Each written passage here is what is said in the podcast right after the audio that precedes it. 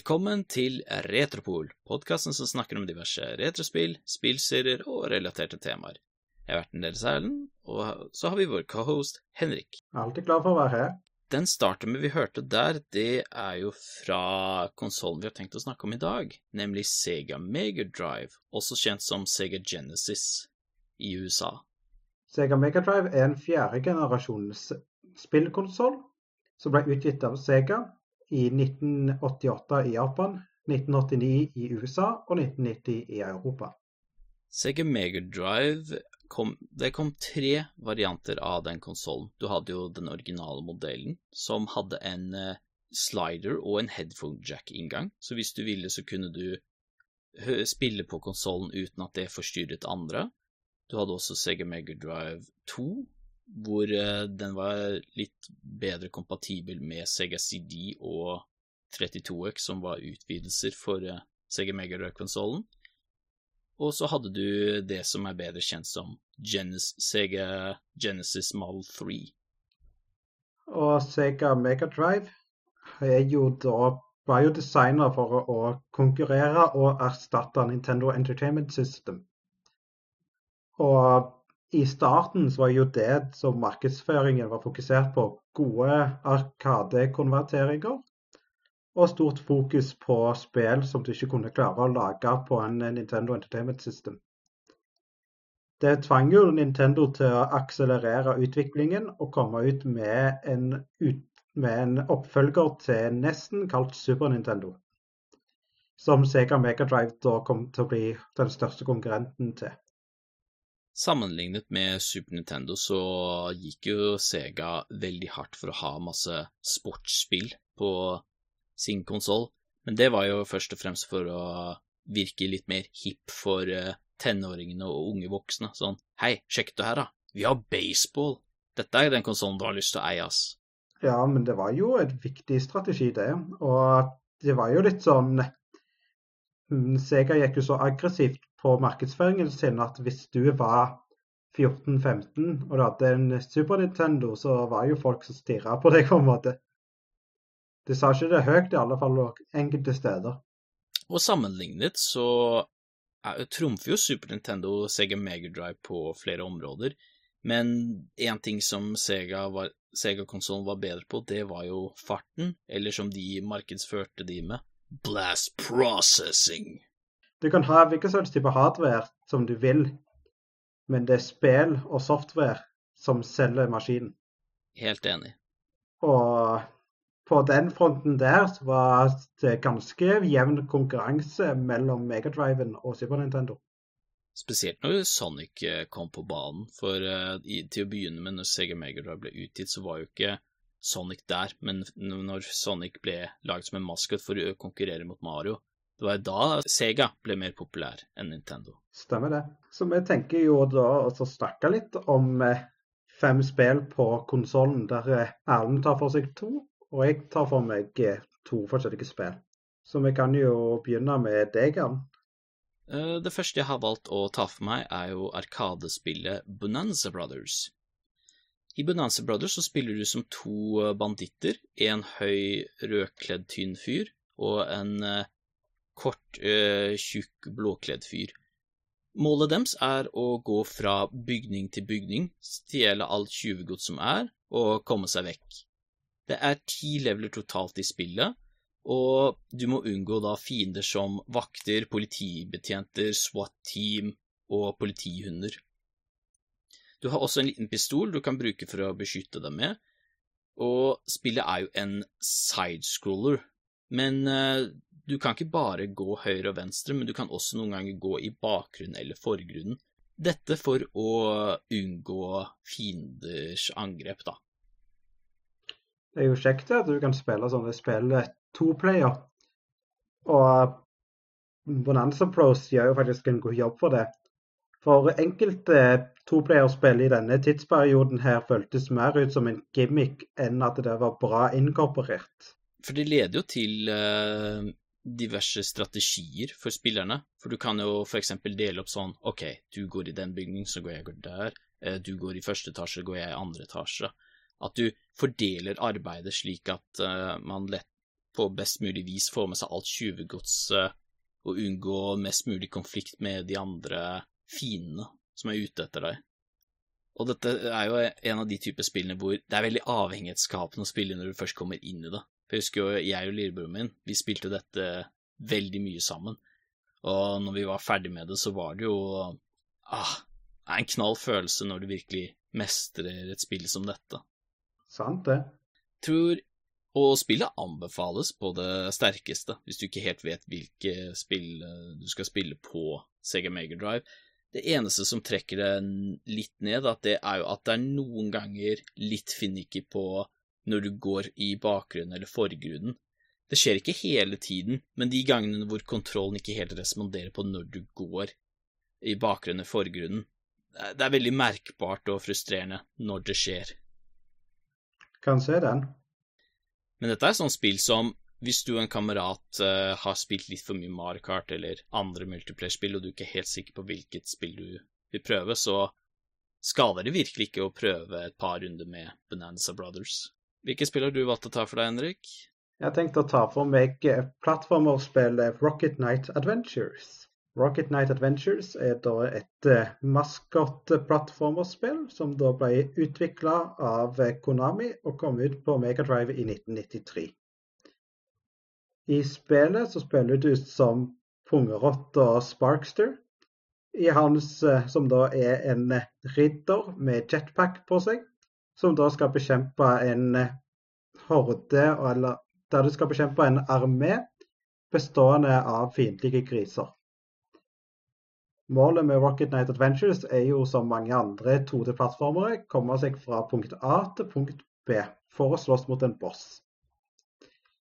Og Rocket Night Adventures er jo et skikkelig fargesprak å se på.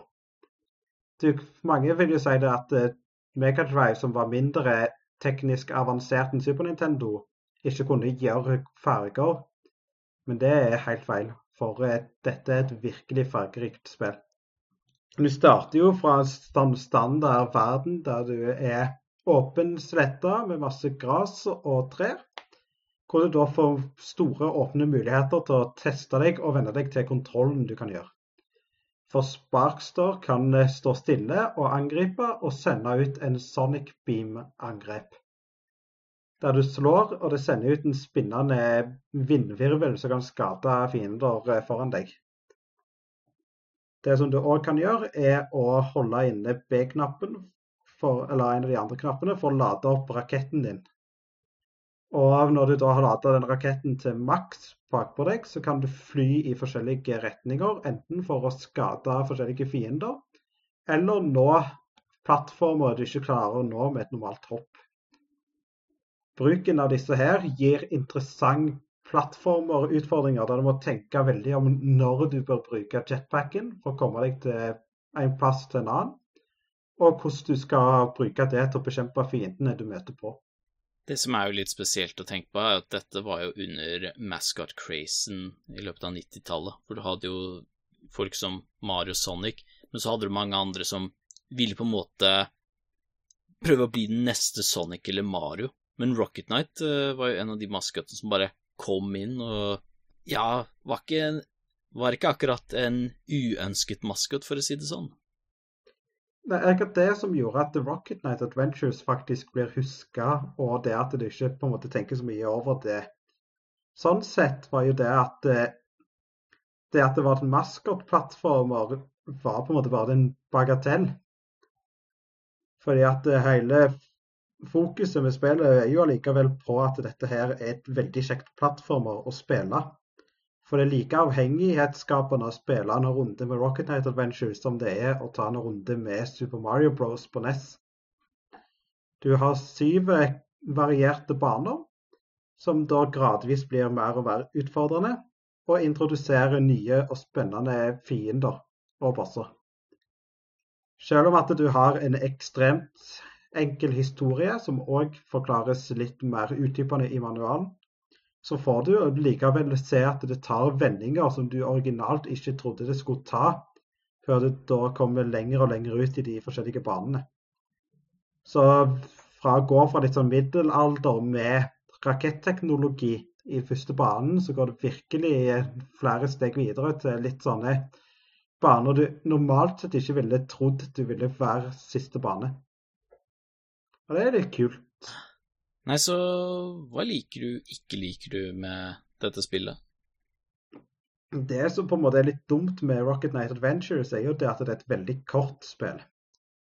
Det er jo kun syv baner, sånn at det er et spill som du fort blir ferdig med. Det, på den andre siden så er jo det òg et vanskelig spill. Men det er jo litt sånn eh, for å balansere ut at det er kort spill. Og det er jo, både, det er jo kjekt og irriterende på godt og vondt. For du har et begrenset antall med liv, og da er det jo ditt ansvar å mestre hver enkelt bane. Og på en måte klare å komme deg til slutten for å slå siste boss. Men det at det ikke er et passordsystem, kan òg gjøre det frustrerende dersom du da f.eks. må skru av spillet for eh, en eller annen grunn. Og eller det at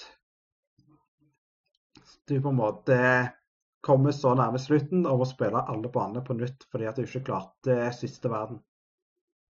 Jeg kan se det er veldig demotiverende hvis du når helt frem, og så ah, der mista du siste liv. Sorry, du må starte helt på nytt igjen.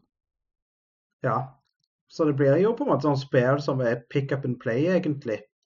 Du på en måte tenker å, Rocket Night Adventures, det spiller jeg. Og så er det et sånn veldig enkelt spill du på en måte setter i, og så spiller du det til du enten vinner eller får game over, og så skal du av igjen. Så du får veldig den der følelsen at det er veldig lett å ta opp og starte å spille det. Og da er det jo sånn som så på en måte Det gir deg den moroa du har det mens du spiller det, og så er du ferdig med det. Det neste spillet jeg har valgt å ta for meg, det er puzzlespillet Columns. I motsetning til spill som Tetris og Dr. Mario, så er jo temaet rundt dette spillet er jo antikken, så du har mye sånn derre gresk arkitektur eh, til pynt, da. Men spillet går ut på at blokker faller ned med juveler i forskjellige farger, og du må da sortere de slik at du får tre på rad, de juvelene, enten vertikalt, horisontalt eller diagonalt. Og du har jo en singleplay-mode hvor du har maraton, og så er det bare om å gjøre å få en high score. Men spill som dette er jo best uh, opplevd når du har en annen å spille med, altså to-player mode. Mm. Og Columns er jo på en måte litt likt som Tetris på mange måter. Men at du har jo konseptet av fallende blokker. Men det som på en måte er mer unikt med Columns kontra Tetris, er jo det at du er nødt til å ha fargekombinasjoner kombinasjonene for å knuse blokker og holde deg under toppnivået som ender spillet. Mm. Og spillet er jo ok. Det er liksom det. Det er et ok spill. Fordi det som holder spillet tilbake, er jo Musikken blir veldig fort uh, kjedelig. Så det er jo Det er ikke akkurat gøy å sitte og høre på et soundtrack hvor du etter hvert begynner å skje ja, Hvor du begynner å miste lysten til å høre på det. Men så er det også det at uh, du kan kun sortere rekkefølgen på de juvelene og flytte blokken, men du kan liksom ikke rotere blokken slik som i Tetris, både vertikalt og horisontalt. horisontalt. Så det fører til at uh, det kan dukke opp situasjoner hvor å, nå får jeg muligheten til å legge tre på rad hvis jeg roterer hele blokken 90 grader, enten til høyre eller venstre. Men fordi du ikke får lov til det, så blir det et sånt puzzlespill som føles veldig strengt ut. Ja, det blir for rigid. For eh, dette spillet er jo sånt spill som hadde vært tjent på at du kunne gjøre shuffling samtidig som du kunne rotert brikkene dine. Og det hadde ikke vært verre enn at du har jo A, B og C-knappene. Så du har A til å rotere 90 grader eh, til venstre. Du har B for å sjøfle, og C for å rotere til høyre. Og det hadde jo gjort spillet mye mer eh, tilgivende å spille. Ja, om ikke gøyere òg. Fordi det er jo Altså, sammenlignet med spill som Tetris og Dr. Mario, så blir jo dette her en av de der spillene hvor hvorfor vil jeg spille dette her, når jeg egentlig kan heller spille et gøyere spill som Dr. Mario eller Tetris? Og har du det der spørsmålet der, så må du jo tenke litt på hva du har gjort eh, feil under designingen av spillet. For eh, hvis du ikke klarer å gjøre noe som har minst like gøy som motstanderen, så er det ikke noe særlig poeng i å spille det. For, eh, for å si det sånn, jeg har prøvd Columns, jeg òg, og jeg det, jeg spiller en runde med Columns, og så tar jeg heller og går tilbake igjen og spiller Tetris. Det er et spill som blir overskygget, kan man si, av uh, gøyere og bedre puzzlespill. Enig der. Det er litt derfor jeg ikke helt kan anbefale spillet. Det, det, er vel egentlig bare opp til deg om du har lyst til å spille spill eller ei. Sånn, hvis du har lyst til å spille Hvis du har lyst på Columns, vær så god. Det er iallfall billig. Og hva er det neste spillet du skal snakke om? det er Castlevania Bloodlines, ellers kalt i Europa og Japan Castlevania The New Generation. Uh, hva går dette spillet ut på? Du har jo Dette her er jo da et uh, nytt spill i Castlevania-serien, utvikla av Konami, som da kom ut på Megadrive i 1994. Som andre Castlevania-spill så spiller du som en i Belmont-familien, eller noen andre familieklaner som har muligheten til å bekjempe vampyren Dracula, som gjenoppstår hvert hundrede år. Og I dette tilfellet her så er det da en vampyr som er navnet Elisabeth, som er på jakt etter å gjenoppstå Dracula.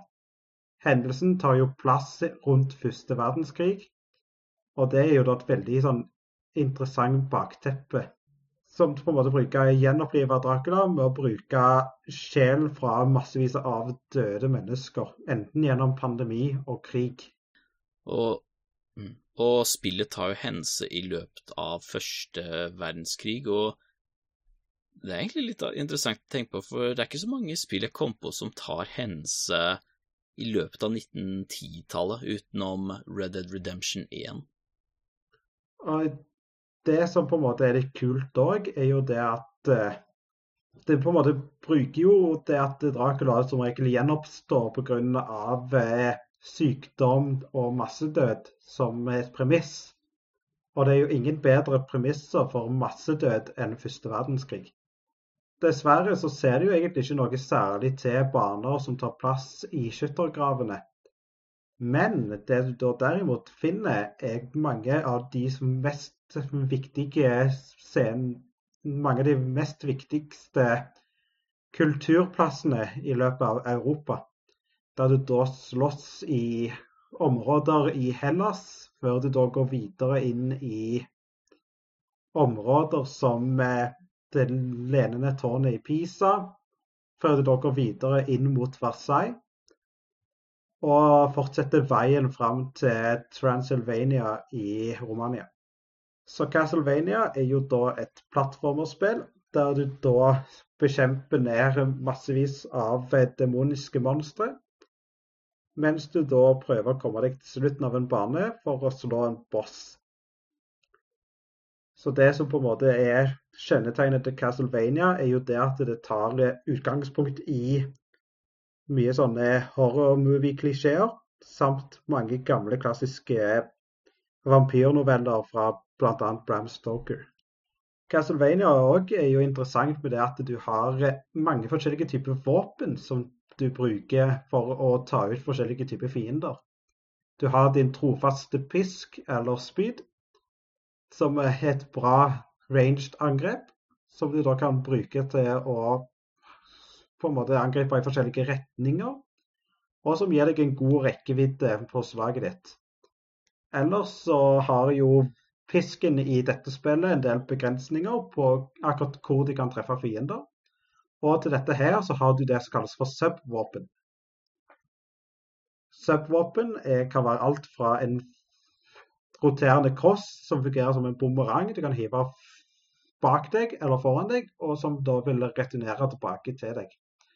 Så har du da en øks der du hiver en arkende prosjektil som da kan skade fiender over og under deg.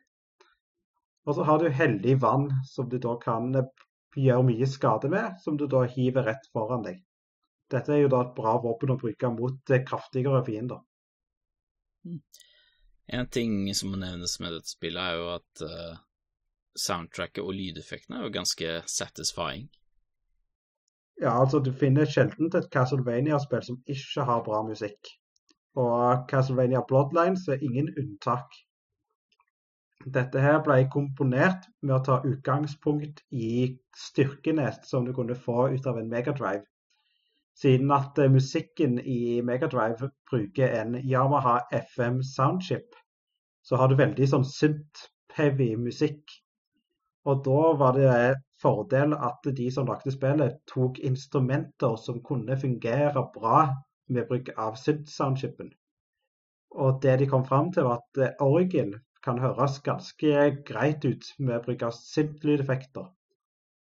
Og for å virkelig drive fram den kraftige orgellydeffekten, så delegerte de tre forskjellige lydkanaler for å skape den beste orgellyden de kunne mens de da hadde en enkel bassrytme og trommerytme til å assistere. Dette gjør jo at det føles litt minimalistisk, samtidig veldig melodisk. Du har alt fra rolige valtsmusikker til repriser av tidligere musikker, til skikkelig intense musikker på bosskampene. Og på en måte det som gjør dette spillet så gøy, er jo det at det er ekstremt atmosfærisk. Og det er et skikkelig vanskelig, men solid gameplay. Det faller jo på en måte inn i samme kategori som Rocket Night Adventure, med at det pick up and play og hold på til du dauer. Men eh, det som gjør det litt på en måte, Det som hjelper dette spillet sin eh, greie, er at du har passord. For eh, det at du har passord, gjør jo det at du faktisk kan returnere til senere baner. Og du kan på en måte øve deg på hvilken som helst bane så lenge du vet hvilket passord du skal skrive inn. Det er veldig nyttig, fordi Castlevania, når du kommer senere ut i spillet, da kan de bli veldig utfordrende. Ja, dette spillet her er ganske vanskelig. Du må være veldig forberedt på at eh, du fort blir eh, knust i dette spillet. her. Så Castlevania er jo som sagt Bloodlines et veldig solid Castlevania-spill. Og hvilket Castlevania-spill du foretrekker, avhenger jo litt av hva du egentlig har eh, endt opp med å spille.